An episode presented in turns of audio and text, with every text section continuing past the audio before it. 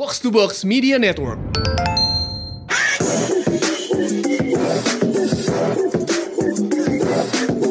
What up, what up? You're now listening to the most valuable basketball podcast in Indonesia, Box Out. As always, I'm your host, Raditya Alif.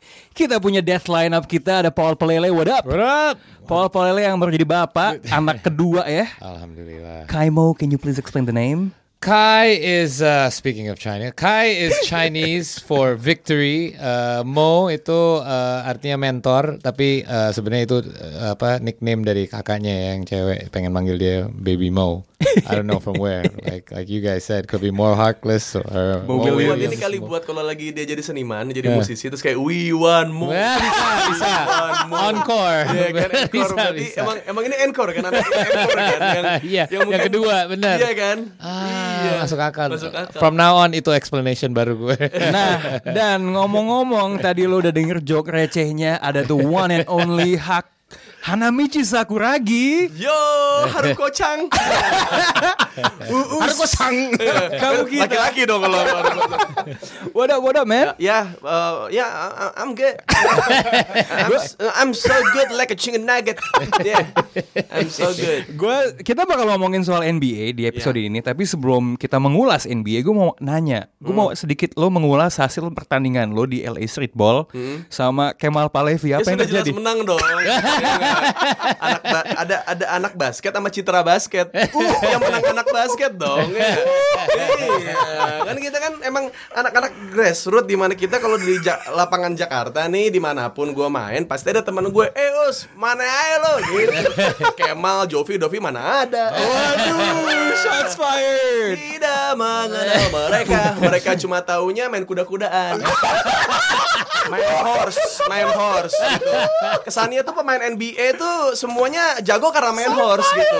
Gak ada skipping, gak ada gym, gak ada uh, calf raises, gak ada Waduh, leg press aduh. gitu, gak ada nggak ada squat gitu. Kayak, oh iya emang eh main basket ternyata emang harus uh, jago horse gitu. Jadi uh, anak-anak muda tuh jadi wajar kalau nanti tiba-tiba di ITB di Bandung rame gitu.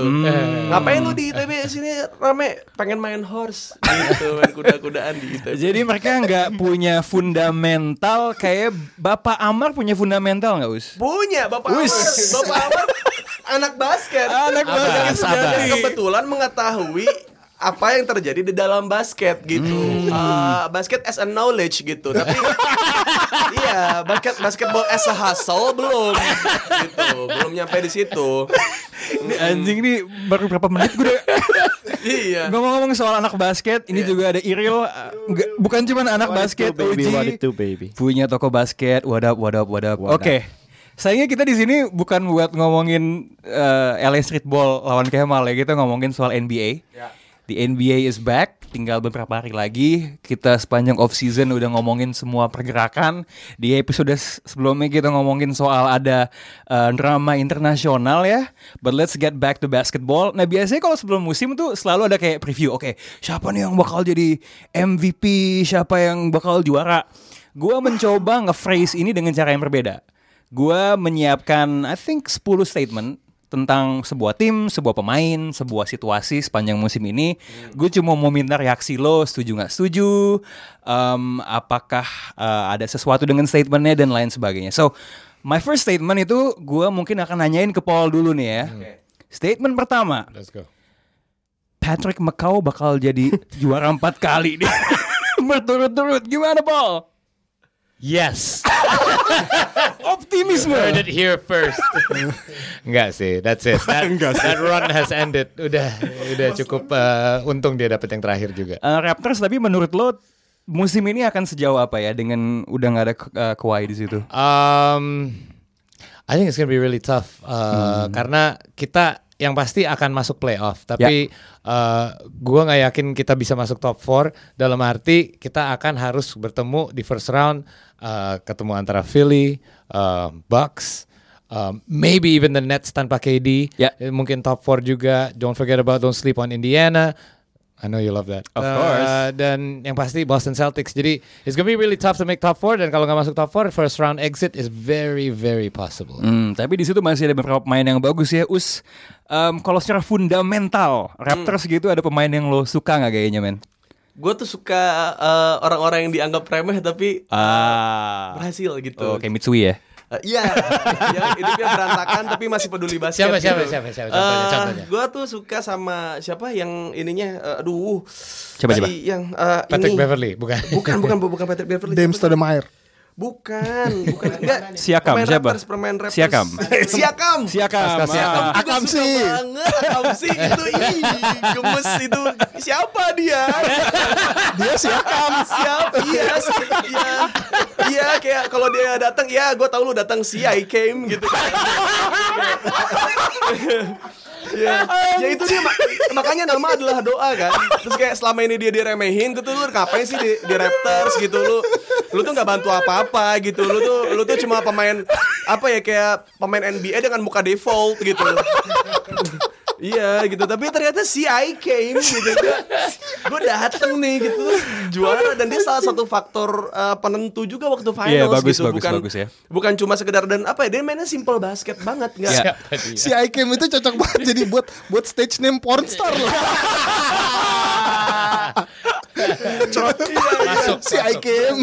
Berarti emang Tiap kali nembak, trot. Cuma buat bokep-bokep Twitter ya Yang dua menit lah gitu dua menit gitu. Iya iya iya. Ya, Kalau yang bentuknya DVD kan setengah jam gitu Kayaknya too much gitu buat dia Aduh si Akim. Itu suka tuh yang kayak gitu-gitu Tapi emang Emang Emang gue suka suka dengan statement ini sih yang apa uh, everybody's love underdogs Ya.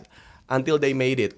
Ya. Ya kayak kayak Golden State juga kan sama gitu Benar. yang awalnya isinya oh dibangga-banggakan gitu nggak tanpa ada superstar dengan semuanya bench player yang dulunya gitu kayak dulunya apa sih Steph Curry juga dengan overall di 2K juga dari 70 dengan muka default juga.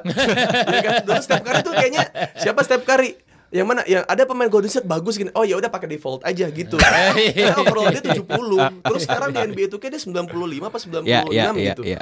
Itu kan ngelewatin fase orang biasa gitu regular person. Jadi gitu, wow. regular- jadi wow gitu. Ya, ya. Tapi akhirnya orang benci dia juga karena Yes, dia menang mulu. Terlalu jago, terlalu Terlalu jago. Oke, statement kedua nih karena U sudah mention Stephen Curry. Gua mau lempar ke Iril nih ya. Iril. Ini sebenarnya hot take yang gue dengarkan di podcast lainnya nih.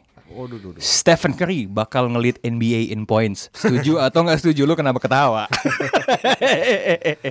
Uh, I think it's gonna be number two, hmm, di bawah James Harden. jenggot. Ah.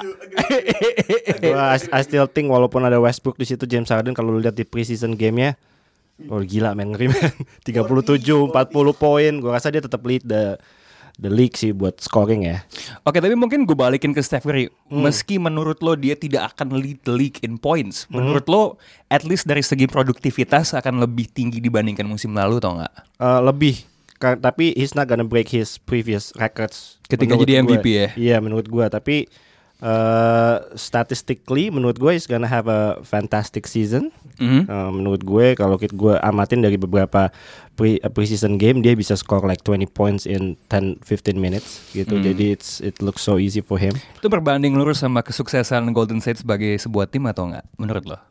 Nah, it's just a preseason sih kan. Oke, Jadi, jadi masih gue nggak tahu lah nanti di regular season lah. Cuma ay- gue lagi nggak suka sama D'Angelo Russell sih. Ya menyimpang dikit lah gue lagi nggak suka. Go ahead, go ahead.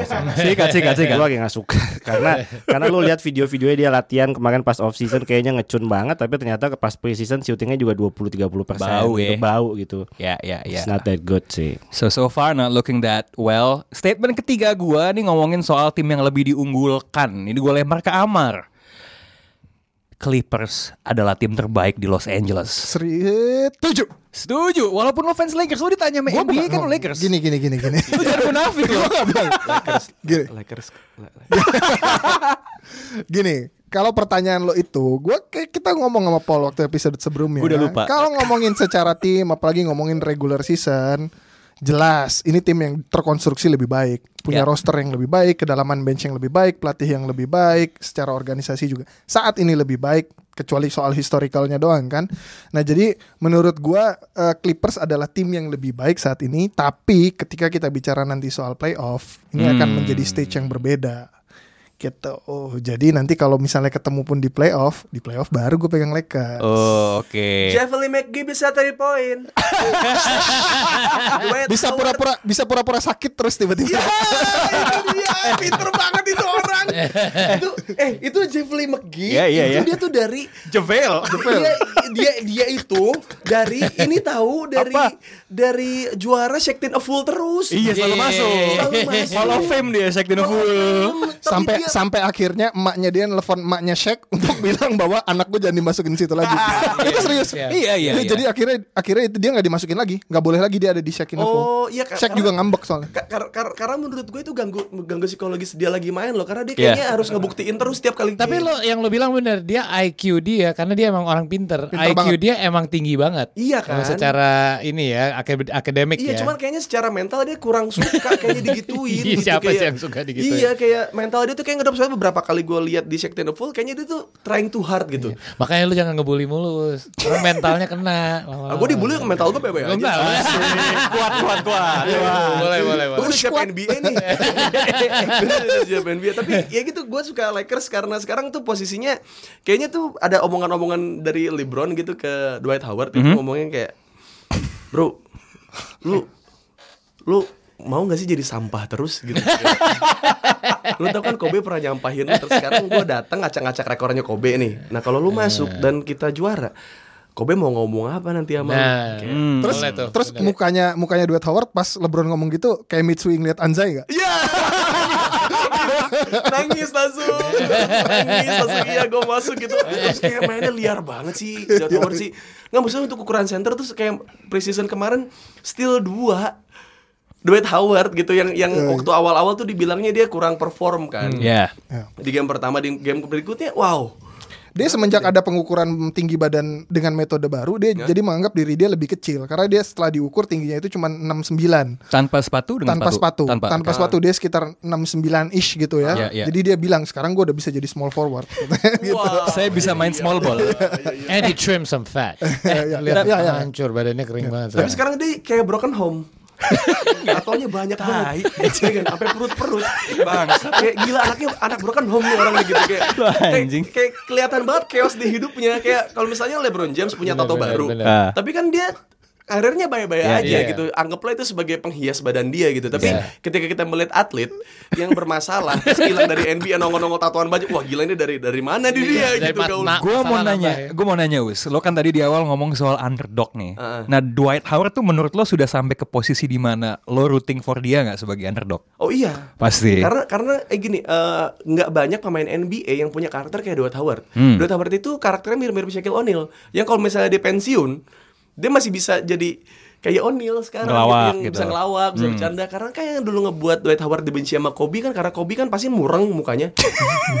Terlalu fokus gitu Serius, ya. Saking serius. fokusnya jadi kayak orang lain tuh menikmati basket harus kayak gue. Kalau kalau nggak kayak gue berarti ya orang itu berarti nggak serius main basket. Oke. Nah, Dwight Howard kan ketawa-tawa.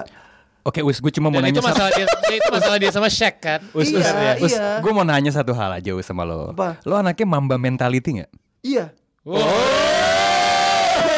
Kemal dan Us udah kesamaan nih. Us Palevi. Nah, nah, nah, nah, sikat, Ya, sikat. itu, itu itu yang ngebuat gue dan Kemal berbeda sih gitu.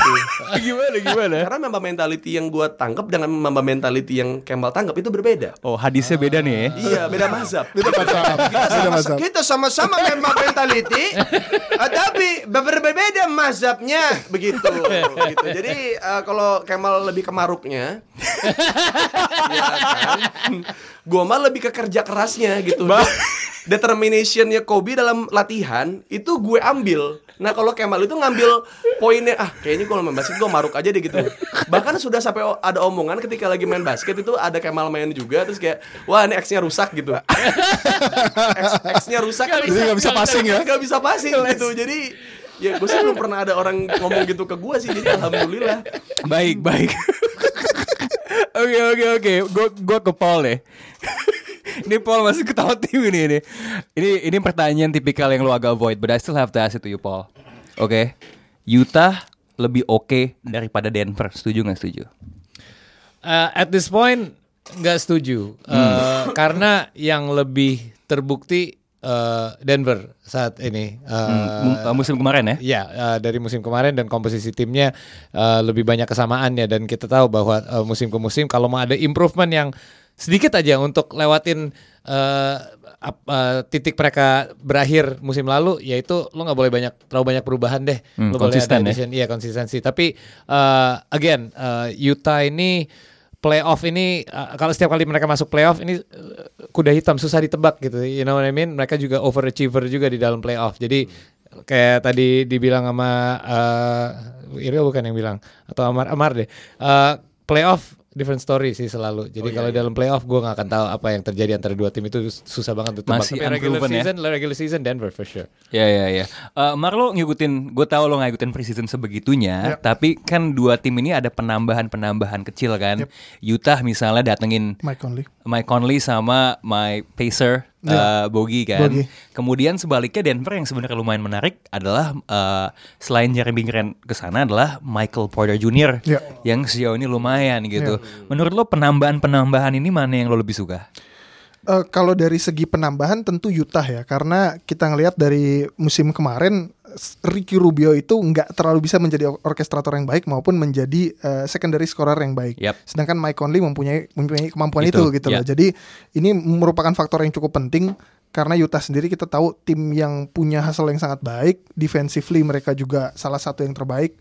Jadi itu bakal bakal bakal seru banget. Cuman kalau di Denver sendiri menurut gua sebenarnya kekhawatirannya cuma satu sih. Eh, satu kalau misalnya kayak Mike Porter Jr. satu kita ngomongin soal pengalaman yang berikutnya adalah dia ya injury prone Yep. gitu loh. Jadi faktor-faktor yang itu mungkin akan kejadian kembali gitu. Jeremy Graham tentu menjadi salah satu uh, additional yang sangat baik dan mungkin bisa menggantikan Paul Millsap yang udah agak menurun. Kalau mereka main small ball tentu sangat menarik kalau misalnya dia main di situ. Tapi uh, gua nggak ngelihat itu cukup punya pengalaman lebih baik daripada Utah. Tapi gue setuju sama Paul, Denver lebih baik secara tim. Menurut lo Denver akan make a move gak di mid season karena mereka sekarang rada numpuk di posisi yang rada Small. shooter-shooter ya small guys yang shooternya cukup bagus Ya, dari menurut gua Harris dan- menurut gua kayak dari musim lalu elemen yang paling penting yang nggak dimiliki sama uh, Denver Nuggets adalah slashers di posisi tiga. Right. Mereka nggak punya swingman yang cukup baik. Jadi kalau misalnya mereka bisa mendapatkan swingman yang yang cukup uh, bisa dikategorikan sebagai uh, kandidat All Star ataupun pemain dengan level B atau B plus itu menurut gua sangat-sangat Dan bagus. konteksnya nggak cuman going forward, tapi kalau lo lihat tim-tim unggulan di barat kan Clippers sama Lakers kuatnya di mana sih di posisi itu? Iya, Ini karena- someone yang bisa ngejaga karena LeBron defen, ya defensively mereka selalu bisa uh, di mendapatkan masalah besar ketika mendapatkan slashers yang bagus dari pihak Ya. lawan gitu karena nggak ada yang terlalu bisa defense itu. Paul Millsap udah nggak secepat dulu Yep. gitu loh. Ini udah mulai agak serius ya makanya gue mesti nanya sama Uus, Nikola Jokic berat badannya bakal turun nggak musim ini? Jokic. Yes, Ya pasti kalau orang habis cedera pasti sih. Ah, Karena karena gua kan dari basket yang beneran atlet ya. Iya. Jadi eh, kita tahu kalau misalnya berat badan terlalu eh, apa namanya terlalu gede juga kan eh, chance buat injurinya juga lebih gede gitu Hmm. dan tidak semua makanya Zion Williamson itu gue bilang di luar galaksi gitu dari dari bukan dari Bima Sakti ya galaksi menurut gua sih Andromeda kayaknya dia. Kar- iya ka- ka- karena karena untuk menopang badan segitu dan dan LeBron aja punya badan gitu setelah 3 tahun 4 tahun di NBA gitu dan dia Hmm. baru dari college nih terus masuk ke kompetisi NBA itu badan udah dari segitu. Oke. Ya, kalau itu itu exception lah, itu orang-orang udah bukan orang lah. Iya, iya, iya, Kayak Mungkin dia an- a- temennya Arnold mungkin dari zaman-zaman Skynet gitu. Terminator. Dia robot sebenarnya kalau Freak of nature gitu, ya, freak iya, of nature kayaknya- dia. Iya, kayaknya gitu. Kayak Chinmi mungkin dia seribu Yes. tahun sekali. Kung fu peremuk tulang. Kamu beremuk tulang. Kul dairin ya, kul dairin. Oke oke Gitu tunggu tunggu. kalau- Ini pas banget lo mention Zion karena statement gue berikutnya soal Zion. Ah. Zion Williamson itu overhyped dan overrated. Setuju nggak setuju? Eh, enggak sih karena dia sesuai dengan ekspektasi sih karena Emang ekspektasi setinggi itu dia dia dia achieve di situ sih. Kayak kalau orang bilang eh kayaknya untuk eh, orang yang bilang kalau Zion itu overrated itu orang-orang edgy sih gue udah bilang. edge lord ya. Iya kayak kayak kayak ah, kayaknya Zion gak terlalu Terlalu Man. mainstream ya gitu Iya, ya. kayak terlalu- kenapa sih lu gak setuju aja gitu dengan bakat yang dia punya gitu dengan dengan dan apalagi yang, yang Zion itu sudah pasti dia punya super power gitu karena dia nggak punya bapak. Namanya aja Zion gitu Dia kan. karena ciri-ciri superhero adalah orang tuanya tidak komplit. Anak yatim lah. Dia kayak Bruce Wayne gitu kan. Clark Kent. Bunuh gitu kan. Bahkan LeBron gak punya bapak loh. Iya kan? Dan emaknya di di EWM di lonte jadi jadi bingung, yang lonte ini emaknya apa di lonte? ya ibaratnya gitu. Jadi gua gua tuh kalau kalau gua tuh pemikiran yang gua tuh bisa sekuat itu ya karena Ya, ya, ya. karena dia punya punya superhero background gitu. Dia Ya. punya bapak yang tidak tahu ke mana gitu. Dia ibunya cuma single parent ngurus dia sendiri. Kayaknya kekuatan-kekuatan itu muncul ketika dari keluarga-keluarga yang dari keluarga yang eh, ras black people gitu Ya. dengan dengan kondisi yang seperti itu tuh kayak Gue memang ngomong sesuatu ya lupa. Oke, Iril, Iril, Iril. Selain selain faktor tidak punya bapak yang disebutkan sama Uus nih, dari apa yang lo lihat di preseason, what has impressed you the most tentang Zion Williamson? Zion Yes. eh, sangat-sangat impresif sih. Hmm. Preseasonnya dia dan kalau dibilang overhype juga menurut gua enggak sih kan. Emang sesuai Maksud ya. gua nggak ada yang bakal bilang dia jadi greatest of all time. True. Ada yang bilang apa. Maksudnya dia memang berbeda. Ya. Untuk seumuran dia dia beda dari anak-anak seumuran dia gitu. Dan tadi kayak Us bilang dengan bobot kayak gitu sih yang gue takutin satu cuma cedera doang. Bener cuma cedera doang lu Karena lihat ga- bebannya ya. Ya lu lihat gaya-gaya mainnya kalau pre-game juga dia windmill windmill gitu nggak penting ngapain lu Iya, nggak iya, apa iya. bikin resiko gitu Gini, kan. Re- Real, menurut lo dia segini eh, apa persentasinya sangat tinggi dan dibiarkan untuk agak showtime lah. Ini ap- apakah ini terjadi karena ini preseason dan emang defense main lebih longgar karena ya to entertain the fans tapi come the regular season menurut lo dia akan dapat lane seperti yang seterbuka itu atau dijaga seketat kayak kayak mau jaga us gitu. lebih lebih kerasa mainnya gitu maksudnya eh jangan biarkan juga anak dia. jangan sampai anak kecil ini dibiarkan untuk seenaknya masuk ke lane dan Ya, ngedang yang pasti, yang pasti kalau jadi Zion itu nggak boleh bikin gaya permainan dia itu terlalu predictable. Karena kalau lu lihat di preseason game, di game pertama dia mainnya dari dalam terus dari paint area mulu, shootingnya 12 dari 13 misalnya. Tapi Ya. di game ketiga dia udah bisa 3 point sekali. Jadi harus ada faktor-faktor yang unpredictable yang bikin defensive defense juga bingung gitu loh. Itu yang nggak bisa ketebak sama coach dan susah buat nge- ngejaga dia. Kalau dia mainnya di dalam terus ya lama-lama kebaca kan. You know what? Gitu loh. walaupun tadi statement gue overhyped dan overrated, sebenarnya gue pribadi, gue malah ngerasa dia agak underrated. Karena kita semua ngomong tentang bagaimana he's an athletic freak. I've been looking at preseason, Yeah. finishes dia kalau buat gue banyak yang tipikalnya tuh bukan cuma karena fisik loh. He's so crafty. Cause of Yes. crafty. Teknik, Smart. some of the passes are nice, bisa megang bola, two way player. Lu lihat pas game dia lawan Utah aja dia lawan Gobert nggak ada Bener, takutnya men bener, itu bener. defensive player of the year Dan, dan biasanya kalau kita ngomongin atletisisme, atletisisme itu kadang-kadang justru nggak berbanding lurus dengan uh, efisiensi. Yes. Ini dia 71% di preseason. Oke, kita Efisien. semua di sini setuju bahwa preseason nggak bisa dijadiin sampel. Tapi paling nggak lu masa nggak bisa ngelihat sih kemampuan dia 71% di preseason dengan poin per game segitu minute play Lawan Gobert tadi. Lawan Gobert dia melakukan melakukan gua oke lah nggak bisa dibilang bully bola ya, tapi lumayan dia benar-benar mengintimidasi Rudy Gobert gitu. Menurut gua ini nggak cuman kita ngomongin soal kemampuan atletisnya dia doang gitu loh. Dia memang punya kemampuan yang lain gitu. Tapi memang seperti Iril itu bilang tadi, jangan sampai ini menjadi pola yang terus-menerus berulang yang menurut orang akan sangat-sangat mudah terbaca. Harus lebih dinamis ya. Ya, gitu. Ada ada underrated satu lagi yaitu eh, secara fisiknya. Eh, dia masih banyak baby fat man. Badan dia nggak seperti LeBron pas LeBron masuk NBA LeBron kalau inget eh, film More Than a Game-nya pas SMA aja dia udah latihan calisthenics resistance yeah, band. yeah, badannya udah jadi banget man. Kalau Zion menurut gue potensi untuk dia badannya lebih jadi dan dia lebih komposisinya lebih bagus kebayang dia lompatannya bisa seperti apa lagi. Kayak Gus bilang lo kalau lebih berat pasti lo bebannya lebih ini kan Ya, untuk tapi gue lompat. pernah nanya sama Zion langsung gitu, lu kenapa badannya gini? Enggak tulang gue gede gitu. Big bones. iya, Big big, bone. bones. Iya gitu. Dia kan itu biasanya tuh alasan Aku nggak yang- gendut. Yang gemuk-gemuk kan, yang gemuk-gemuk gitu bilangnya aku big bones. Nggak mau kok." ngaku, nggak mau ngaku. iya gitu. Kamu gemukannya enggak aku tuh emang aku gede aja gitu. Aku nggak gemuk gitu. Tapi bener sih kalau kalau menurut gue Zion eh, di di preseason ini sih karena menurut gue eh, untuk lu eh, viral nih misalnya gue stand up comedian ya Hmm. gue ngerosting eh, stand up comedian yang lebih lucu dibanding gue atau nggak lebih lama daripada gue jadi ntar nama gue si stand up comedian ini di roasting sama Uus Nggak maksud lo Kemal lebih lucu dari lo gitu. enggak nggak mungkin nggak mungkin Kita selalu berusaha mengadu nih ya. Soalnya tadi lo kayak ngerosting Kemal. Iya, Sorry, sorry gue gitu. salah nangkep berarti. Iya Lu anjing lu. Oke, taruhlah taruhlah gini deh kayak kayak misalkan gue main basket nih, gue tuh underdog gitu, terus Ya. tiba-tiba gue main sama uh, pemain uh, profesional lah Daniel Wenas gitu, terus tiba-tiba gue menang lawan Daniel Wenas gitu. Nah harusnya nih orang-orang yang di NBA nih tahu kalau si Zion ini, misalkan dia ngeblok Zion, dia pasti bakalan punya hi- highlight gitu untuk ngebuktiin Zion itu nggak proper di NBA. Menurut gua semua tuh berusaha buat nyegah Zion Ngehancurin dia. nunjukin ke eh, orang-orang kalau NBA itu tidak selembek itu, tapi memang ya nggak segampang itu emang nggak segampang itu buat jaga Zion sih menurut gua sih gitu. Tapi dari dari point. sorry dari semua matchup, gue yang paling gue tunggu ketika Zion ketemu Draymond Green. Oh, oh iya, sih. Gua nggak gua nggak ngelihat gini bukan masalah itu tadi kita kan harus ngelihat konteks harapan itu harus disesuaikan dengan konteksnya dia Iya, saat iya. ini sebagai seorang rookie dia pasti bener-bener kewalahan ketemu Draymond Green Jadi lo megang Draymond. Draymond, Draymond dong. Gua tuh saat masih ini ingat ya ketika Raymond Green eh, dua musim yang lalu pertama kali ketemu Dennis Smith Jr. Dennis Smith Jr. tuh berusaha untuk slam dunk di mukanya Raymond tuh. Iya, Kembali ke benar. poinnya Us kan dia bilang sebaliknya nih ini rookie mau membuktikan diri kalau dia bisa benar. ngehabisin, bisa ngerosting Raymond. Iya. saat itu defending Dia eh, defending di foul Raymond juga bilang ya kali gue bakal ngizinin rookie dari mana gitu ngedang di muka gue satu hal lagi ya tapi kalau ngomongin soal Zion gue pas denger podcastnya denger ada satu analogi yang gue suka banget sih. Zion itu ibarat kalau di American football kalau ada yang ngikutin eh, pemain yang baru pensiun kemarin kayak Rob Gronkowski. Hmm, Gronk. karena buat orang Gronk, eh, Gronk itu kan kombinasi athleticism dan size yang nggak banyak lah kalau Iya, di iya. NFL kan. Jadi ketika menghadapi pemain kayak Gobert, he's too fast buat Gobert. Hmm. Tapi ketika lo hadapkan lo jaga dengan guard Kecilan.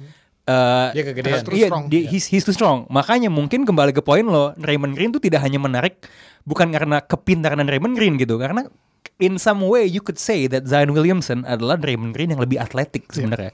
So ngelihat mungkin secara tinggi badan kan Raymond Green juga dia center yang lo bisa bilang undersized. Dia sama kan. persis kok kalau Six, kalau seven, pengukuran six, yang ya, baru sama-sama Iya, six. iya. Dua-duanya big bonded. Ya. Balik lagi ya. Bukan lemak, bukan Benar, benar, benar. Kalau anak jangan- 90-an tuh Charles Barkley. Hmm, Yes. iya, iya, itu iya, iya. exactly like Zion. Makanya Right, gue tuh right. menganggap Zion adalah perpaduan terlepas dari kalau yang jadul ya, gue menganggap dia punya similarity dengan Black Griffin. Tapi kalau kita ngeliat yang dulu, gue ngeliat ini enak kayak kombinasinya Sean Kemp sama Charles Barkley. Oh ya. Kalau ini di fusion, yang modelnya si Zion itu. Atletisismnya ke Sean Kemp ya, Sean Kemp. Tapi Draymond Green menurut gue bisa jaga Zion. Mhm. Itu karena dia punya satu kelebihan Apa tuh? yang nggak dimiliki sama Zion. Apa nih? Bacot. Bacotnya dia nyakitin, Bro. Trash talk ya. Trash talknya dia tuh kalau kenceng bro. Sampai kayak mic mic aja itu kayak gue, gue nonton NBA nih. Dia lagi ngebacot kedengeran gitu.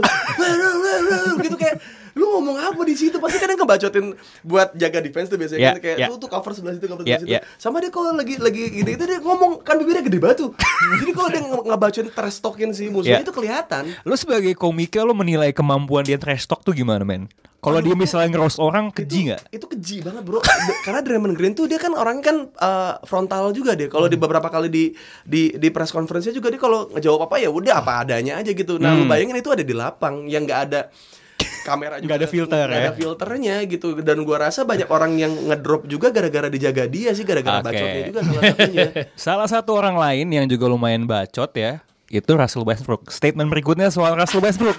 Iril, nih sebagai fans Russell Westbrook dalam waktu yang sangat lama, Russell Westbrook akan menjadi pemain yang lebih efisien tahun ini. Oh, Setuju nggak? tidak. Oh tidak. Jadi Tidak, tidak. eksperimen dari Mori gagal. Tidak, tidak, tidak, tidak. Oke. Tidak. Ya gue gak boleh bilang tidak sih ya Masih preseason kan. Oke. Tapi kalau dilihat sih kayaknya enggak. Dia masih ngambil 5-6 kali tembakan 3 point Which is yang dia gak bisa banget Nge-shoot dari udah 9 tahun main. Lebih udah gak bisa juga. Hmm. nggak bisa. Ben Simmons aja udah mulai bisa dia malah nggak bisa bisa gitu. Gue keselnya kayak gitu dan dia tetap ngotot mau bisa three point gitu. Dan kalau kita lihat dari beberapa game Houston tetap yang dominan tetap si Harden sih. Iya, iya, tetap iya. Harden. Westbrook tuh bakal average like 15 points 5 rebounds 5 assists 6 six turnovers Tapi secara secara efisiensi gue ngerasa nggak di awal musim mungkin ya Iya. akan butuh waktu untuk adjustment.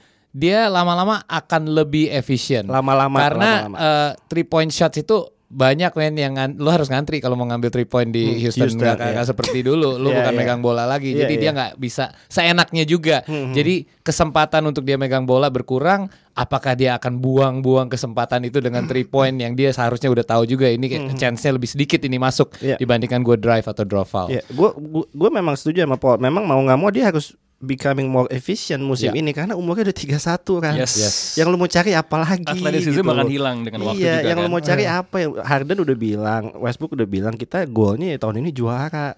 Gue bukan golnya jadi MVP, gue nggak mau triple udah double. juga kan Iya dan dan posisinya tuh menurut gue serba sulit ya. Satu menurut gue pandangan gue adalah dia tetap akan jadi Chris Paul di musim lalu.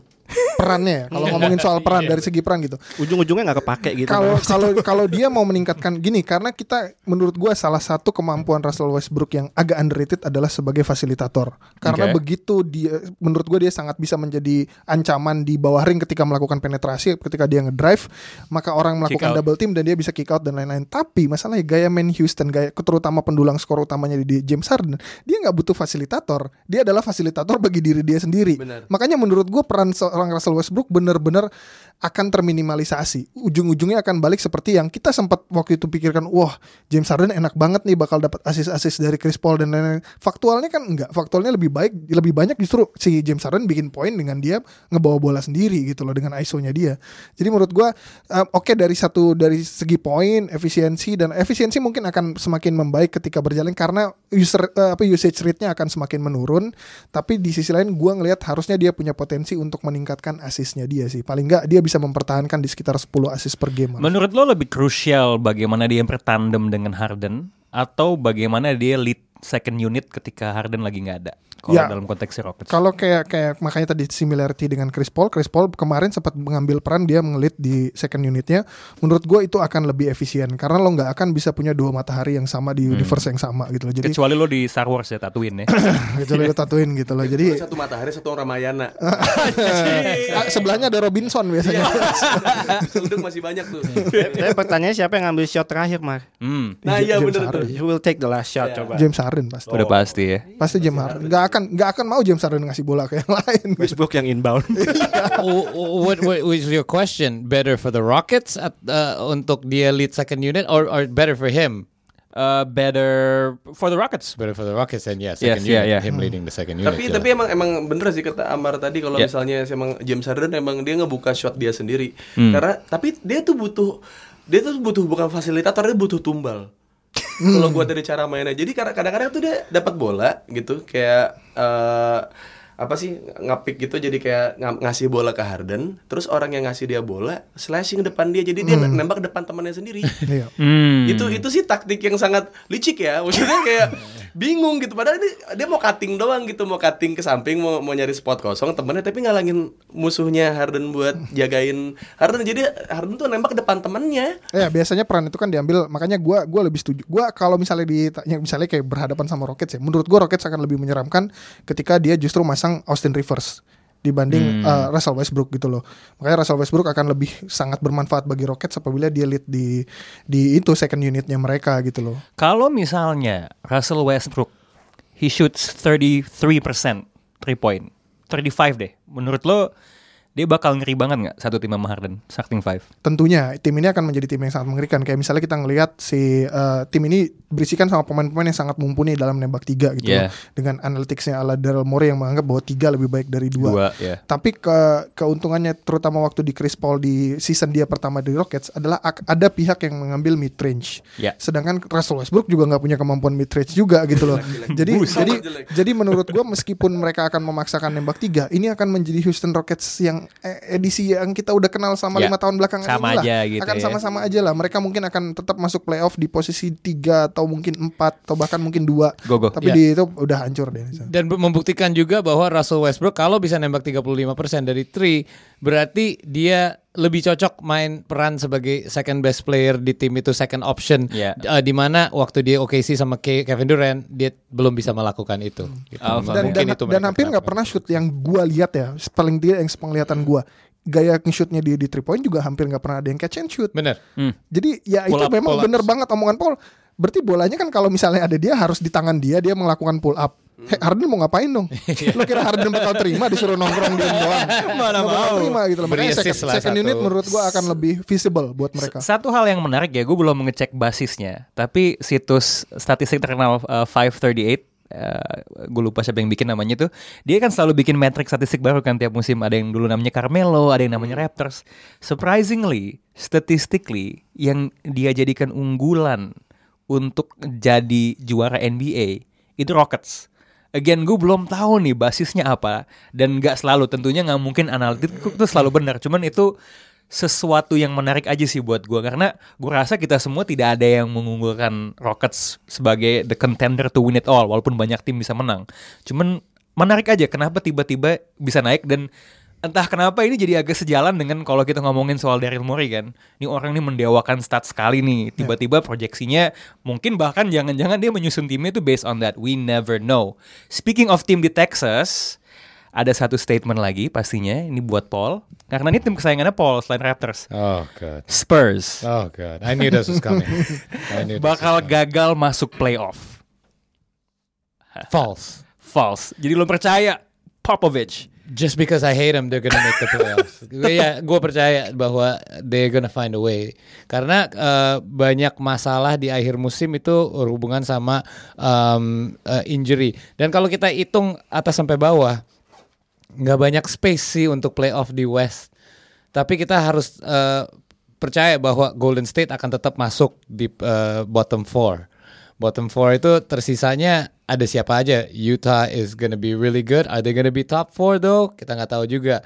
You know, yang gue percaya akan jadi top four sih, it's gonna be um, probably Denver, Houston, uh, and the two LA teams. Jadi, you know, there's not gonna be no more space. Jadi automatically Utah falls in the bottom four, Golden State. Now sisa-sisanya ya tinggal pilih tuh dan gue percaya bahwa Spurs itu somehow mau mereka fully sehat ataupun semua lagi pakai tongkat jalannya susah tetap akan masuk playoff somehow. Real, lo tetap kan mulai banyak tim muda yang punya pemain-pemain menarik kan. Pelicans dengan Zion tentunya, Timberwolves kayaknya KAT tuh lumayan menggebu-gebu musim ini. Kemudian Mavericks Everybody wants to see Porzingis sama Doncic. Menurut lo pengalaman Spurs nih tetap akan membuat mereka masuk di atas tim-tim lain ini? Spurs tuh kalau gue bilangnya adalah tim yang selalu terlupakan. Hmm. Terlupakan di acara podcast, terlupakan di berita-berita. Kita kalau ngebahas top 8 di wilayah barat kira-kira kalau bisa gue ditanya siapa yang top 8 di wilayah barat masuk playoff, gue kan sebut dulu tiba-tiba ditanya, kalau Spurs gimana? Oh iya lupa ada Spurs gitu. Nggak top of mind ya. Kadang-kadang selalu begitu. Cuma kayak tadi Paul bilang, selama ada Popovich di situ, I still believe um, mereka paling enggak bisa di bawah-bawah lah ngejar Hmm, posisi selalu bisa masuk ya. 78 just because of Popovich aja. Tapi kalau dari materi pemain nggak ada yang menurut gue stand out sama-sama aja kayak musim lalu. I mean, uh, DeJounte Murray udah balik which is Ya, good. sedikit lebih kuat mungkin ya Sedikit lebih sebenarnya. kuat. Um, Derek White kemarin udah dapat experience main di FIBA World Cup. Uh, gua rasa just itu aja sih. Patty Oke. Mills segala macam kayak masih sama komposisinya jadi ya Dari tim yang nggak banyak diomongin, kita akan ngomongin pemain yang selalu diomongin. This is a very big question. Gue kasih ke Uus. oh, siap. Very big statement. Giannis nggak bakal jadi MVP lagi. Setuju nggak setuju? Giannis tidak akan menjadi MVP lagi. Tidak akan tahun menjadi depan MVP. atau ke selamanya? Season eh, tahun, Tahun ini, ini, aja. Ya. 2020. Yes. Eh enggak sih, kayaknya dia bakal jadi MVP lagi sih. Belum lah. Udah, udah nyala lagi kan? Udah. Coba lu ulang aja satunya.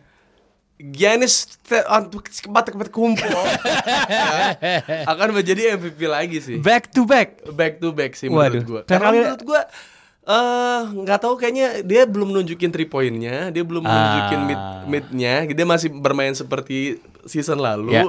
Apakah ini sebuah eh cy war kalau oh Giannis tidak berkembang, Giannis cuma Hmm. bisa slashing, ngedang, main dalam gitu dan dominannya ya di dalam gitu di, di pen area gitu dan gue gue masih penasaran gitu kalau Ben Simmons kan udah nunjukin tuh dia bisa three point Ya, tuh ya, ya kan ya, ya. gitu. Nah, Giannis ini karena dia punya saudaranya juga masuk tuh di Lakers, kayaknya gue rasa ada ada ada sedikit persaingan antar saudara karena dia tuh kalau dilihat dari sosial medianya itu dia akrab banget sama adik-adiknya tuh yang, yang masalah kayak care gitu dan Ya. Kayaknya dia pasti punya senjata yang nggak mau dia tunjukin deh buat season Hmm, ini gitu. Jadi, jadi- kalau buat chance-nya jadi MVP, gue sih setuju sih kalau Giannis jadi MVP lagi karena posturnya postur posisi 5 bro dia tapi bisa dribble bisa spin bisa Ngoper. Bisa ngoper aduh Yoi. bingung Nice, nice, nice. gimana gimana jaganya coba yang Pakai Al Horford gimana? Bisa nggak?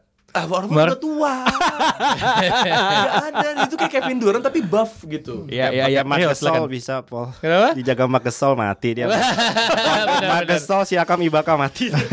tapi sih tapi kebukti ya itu ya. Nah, Itu tapi kan sebenarnya kan itu kan berarti kan teorinya tadi lo nyebut soal big man kan biasanya template-nya nih kalau eh, ngalahin Giannis itu adalah lo numpuk pain gitu ya. Ya. Mar, ini hypothetically nih kita mempertimbangkan omongannya Us nih. Giannis mulai bisa three point sedikit. Mungkin karena Giannis tipikal lumayan predator dia nggak mau kayak Andre Drummond lah bikin hoax-hoax video preseason nembakan. Aduh itu video hoax ya, kayak Carmelo yang yang hoodie hoodie Iya. Carmelo ya itu hoax banget tuh. Coba menurut lo if he can shoot three point let's say dua tiga kali uh, masuk setiap pertandingan persentasenya 30% menurut lo sedekat apakah dia dengan repeat jadi MVP? Sebenarnya kalau kita ngomong ini jangan ngomongin shoot dulu. Kita ngomongin bahwa dengan eh, persaingannya di eh, masing-masing conference nih. Ya. Di West kan persaingannya sangat kuat dan NBA kan sekarang lagi zamannya parity ya. Paling tidak ada dua superstar di satu tim yang kuat. Duo. Nah, sedangkan di Giannis itu nggak ada gitu loh. Gue nggak bisa bilang dia itu dengan eh, dengan Middleton itu duo yang yang bisa dibandingkan dengan Iya, dua-dua yang seperti ada di Clippers, Lakers dan lain-lain gitu ya. loh. Dan Rockets. Jadi menurut gue ini ini bisa menjadi ajang buat dia untuk kembali mendominasi dari segi usage rate dan lain-lain. Sekarang kayak kita ngomongin soal Kawhi dan PG kan pasti mereka bagi, ngebagi waktu, ngebagi uh, usage rates dan lain-lain Lebih itu tadi. seimbang. Nah, tapi kalau menurut gue dari Giannis bicara soal shooting, menurut gua yang paling penting dari dia justru adalah konsistensi mid range.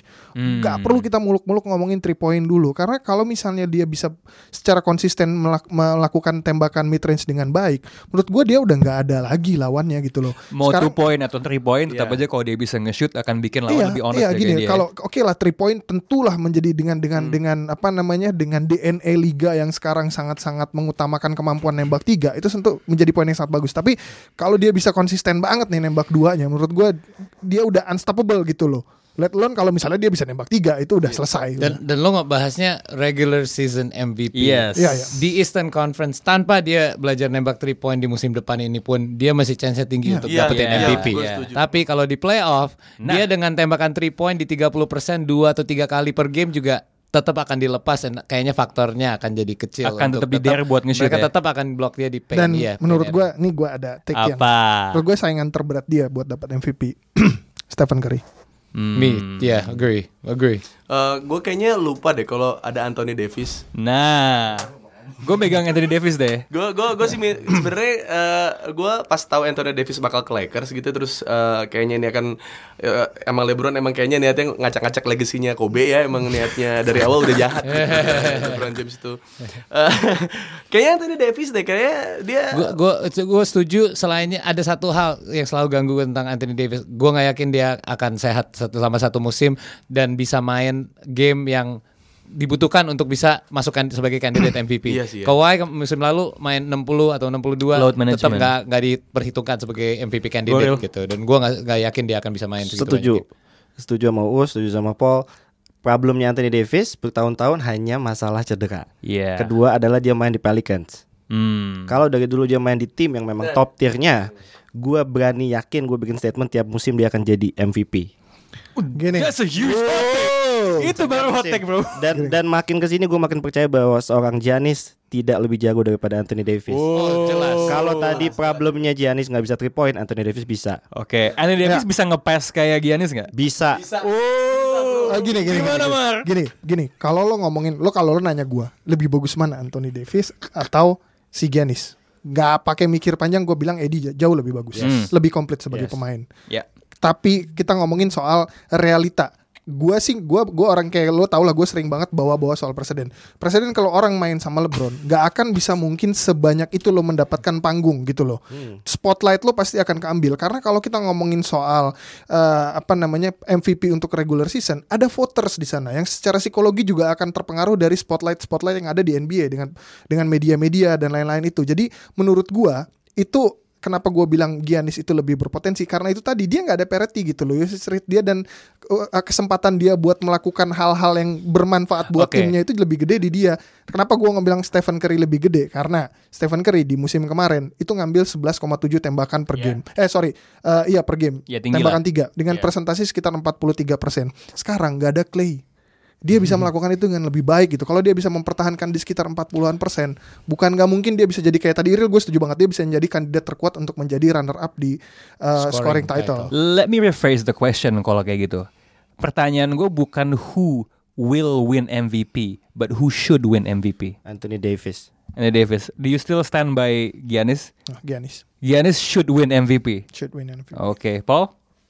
I'm gonna, I would say Anthony Davis, tapi gue yakin Anthony Davis nggak akan sehat sih. Oke. I'm, I'm, I'm pretty sure that. Injury record ya. yeah, I, I'm gonna go with Steph Curry. Oke, Iya. gua tetap ke AD karena LeBron James sudah bilang gue mau jadi point guard and I think Anthony Davis justru akan menikmati Iya. stats yang lebih tinggi dari hubungannya dengan Benar uh, sekali. we'll see at the end of the season. Anthony Davis. ya. Ke Paul lagi satu statement lagi. Hmm. Sixers masuk NBA Finals. Agree. Setuju? I think so. Gue dari musim lalu juga ya, gini deh. Alasannya mereka nggak nggak masuk ke look Kawhi it was a lucky shot man. Iya, Come on, man, bounce let's ya. face it, man. That was a lucky bounce.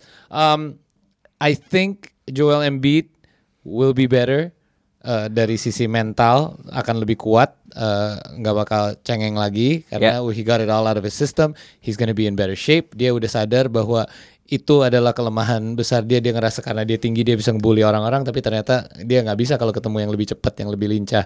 Uh, yang kedua Ben Simmons. Um, I mean these two and and with Jimmy Butler gone, menurut gue itu jadi apa ya? Relief ya. Iya, iya, bukan thing. relief a karena thing. personality dia ya. Iya, Sebenarnya iya. kan dia good player, cuman terlalu banyak koki dalam dapur, tau gak sih kayak Ngerti, keramaian ngerti, aja, nggak Iya, perlu iya. banyak kebanyakan. juga. Ada kayak ada dua Embiid di situ. Iya. jadi- iya. Embiid Itu. kecil ya mini Iya, benar benar. Embiid, iya. Jadi gue sih dari musim lalu juga udah bilang bahwa ini tim yang sangat bahaya men. Tim yang bahaya itu tim yang yang panjang-panjang, yang jaga defense-nya bisa cut off passing lane Hmm. seperti OKC zaman dulu yang bikin masalah buat Golden State dan mereka akan bikin masalah buat tim-tim di Eastern Conference. Ya plus kan sebenarnya dia da- dapetin Josh Richardson basically mungkin bisa lu bilang Jimmy Butler KW yang lebih muda dan Al Horford yang sebenarnya selama ini justru orang taunya dia Embiid Slayer kan. Mar, lo punya pendapat kalau gue nggak tahu masih sama atau enggak ya, tapi Embiid sama Ben Simmons nih mesti lo pecahin gitu. Menurut lo dengan kombinasi Sixers yang sekarang ada, mereka lebih baik atau tetap aja ah nggak akan go to the promised land? Menurut gue Sixers nggak akan masuk final. Oh, kenapa tuh? Kalahnya sama siapa? Simpelnya gini, kalau misalnya kita ngomongin eh, dari yang paling tidak 5 sampai 10 tahun terakhir, salah satu salah satu resepnya untuk lo bisa masuk final apalagi menjadi juara adalah kedalaman bench. Oh, Sekarang kalau lo ngomongin soal selain starternya, mungkin lo bahkan nggak inget siapa-siapa aja pemainnya gitu loh. Jadi jadi mereka itu James Ennis the third. Iya, Iya, lupa. Kyle O'Quinn, Trey Burke, pemain-pemain Oh, iya, yang iya. menurut gua nggak terlalu bisa diandalkan kalau mis- Hmm. misalnya eh, lu main eh, di 82 games regular season dan Musim di playoff rotasi, dengan intensitas iya. yang sangat tinggi gitu loh. Belum lagi banyak juga pemain-pemain ini yang ya bisa dibilang punya permasalahan dengan cedera di masa Injury lalu prone, gitu loh. Jadi jadi gua nggak ngelihat mereka bisa itu karena kedalaman benchnya itu. Tapi kalau mereka punya kedalaman bench, menurut gua mereka sangat Make some moves gitu. sangat-sangat bisa menjadi kandidat terkuat bahkan untuk menjadi juara Jadi follow up questionnya, who's your pick dari East? dari East. Itu dia pilihan ti exactly pilihan tuh tipis itu juga kenapa gue pilih kayak kayak Sixers. kayak Sixers dengan bench yang Gua- tipis gini, sama. Milwaukee. Gini, gua gua akan gua gua akan coba gua akan pilih Milwaukee karena Oke. menurut gua Guinness juga ak- sudah lebih dewasa, dia udah tahu kelemahan dia waktu kemarin itu seperti Iya. apa. Karena mereka juga sebenarnya cukup punya peluang yang cukup besar gitu loh. Jadi ya konsisten deh sih. dengan pilihan MVP Kayaknya dia. sih. Ya mungkin juga sama kayak lo bilang kalau Denver bagusnya musim ini konsisten dari musim lalu kan. Cuman karena gue juga ngeliat musim lalu, menurut gue yang lebih menyulitkan Raptors tuh Sixers. That's kayak right. lo bilang tadi right. gitu loh. And They almost made it, man. Yes, almost made it gitu. Um, dan terlihat kayaknya juga Kawhi dan kawan-kawan lebih mudah ya ketika lawan Bucks. One last question. Tapi sebenarnya ini pertanyaan yang mungkin paling nggak seseksi yang lain sih. Gue kasih ke Iril deh. Eh, Indiana lebih oke dari Boston. Ini jawaban lo akan mempengaruhi hubungan persahabatan kita. ya. Eh, for the full season termasuk playoff, Iya. termasuk playoff. Ah, kalau playoff lo akan bilang Boston lagi. Enggak, gua akan bilang Indiana. Ya, I love you man. Eh, dengan catatan em, dengan catatan Oladipo balik pas All Star break. Mhm. He needs one month to recover and adjust, uh, getting comfortable. And then pas All Star mereka ngegas. Hmm. Gue I still believe Indiana. Eh, mereka dapat TJ Warren. Mhm. Eh, Ada mereka- tiga TJ. Mereka dapat Jeremy Lamb. Mhm. Menurut gue itu pieces yang Oke lah. sangat eh, bagus buat buat pelengkap lah. Dan Sabonis Malcolm juga. Brogdon juga kan. Malcolm Hmm, Brogdon. Itu menurut gua additional yang paling bagus itu. 50 40 90 club. That's why I said don't sleep on Indiana. Not Yeah. because you're here. Yeah, I know. Master basket lah. Master basket bro. Um, Oke itu aja sih. Um, ada mungkin statement atau storyline atau anything about NBA yang belum kita bahas mungkin us Apa ya? ada nggak? Eh, kalau buat tadi final, Oh final siapa yang bakal menang di final? Enggak gue gua punya satu tim yang Ah, menurut gue go, go, go, go, go. Gue kayaknya megang New Orleans sih. Di East Iya. bukannya di West? Eh, Is apa, apa sih itu? West. Iya, iya pokoknya gue Orleans itu termasuk. Iya, pokoknya gua- New Orleans masuk. New, New Orleans yang Hornets mungkin. Bukan dong. Tetap aja. Tetap aja. Tetap aja sama. Beda nama. Menurut gua New Orleans tuh punya chance sih. Gimana, Karena isinya gimana? Red Dead Redemption semua kan. isinya orang pengen balas dendam sama sakit, geng sakit hati ini. Karena gue lihat preseasonnya kompak loh lumayan loh. Iya, iya, iya, Untuk- iya, untuk iya, sebuah iya. tim yang isinya ya karena itu dendam yang mempersatukan kali ya gitu. Jadi le- lebih cepat gitu chemistry-nya masuk gitu. Oh dia dendam sama Los Angeles berarti ya utamanya ya dibuang. Berarti ketemu siapa ya kalau New Orleans? Ketemunya sama di- satu. Isnya dari siapa? Isnya, East- Eastnya siapa? Pilihan lo siapa kalau ya? kalau New Orleans. Eh, Atlanta. Atlanta. Chicago Bulls kayaknya. Chicago Bulls wah. Chicago Bulls. Lu lagi mancing ya? Final Lu lagi kan? mancing lo. Tapi Hawks juga oke sih gue suka Trey. Hawks, oh ya. Oke, Hawks Pelicans Finals. Gak ada yang nonton. Hawks. tapi enggak tapi kalau misalnya hypothetically kalau Hawks ketemu Pelicans dua-duanya burung by the way Em, apa namanya apa namanya mu- mungkin secara masa nggak gede tapi menurut gue itu bakal seru banget loh karena mau nggak dua- mau sih kita Iya. nonton. Namanya final. dua-duanya kan mainnya ofensif kayak, banget kayak, kayak masuk final ya udah Iya, ya benar. makan Itu bosen aja lah udah ya bosen banget. kayak kayak nonton popda tau gak lu atau popnas iya gerakannya kaku kan kalau Spurs kan emang gerak Popovich kan pengennya yang fundamental kan Popovich iya Mainnya di Gor Soreang ya. Iya, di Korsorian atau di ya paling di STC lah sih gitu yang anak yang kalau pemanasan tuh harus kumpli gitu, yang yang jaga tuh textbook gitu ngerol juga textbook gitu. makanya Kawhi itu gue bingung bisa beradaptasi di situ keren banget tapi dia mesti dia pengen cabut habis itu ya iya Oke, thank you banget, seru banget Pak podcast kali ini. Thank you Paul, thank you Amar, thank you Iril, Uus. sama-sama terima kasih juga You the real MVP. Yeah, thank you.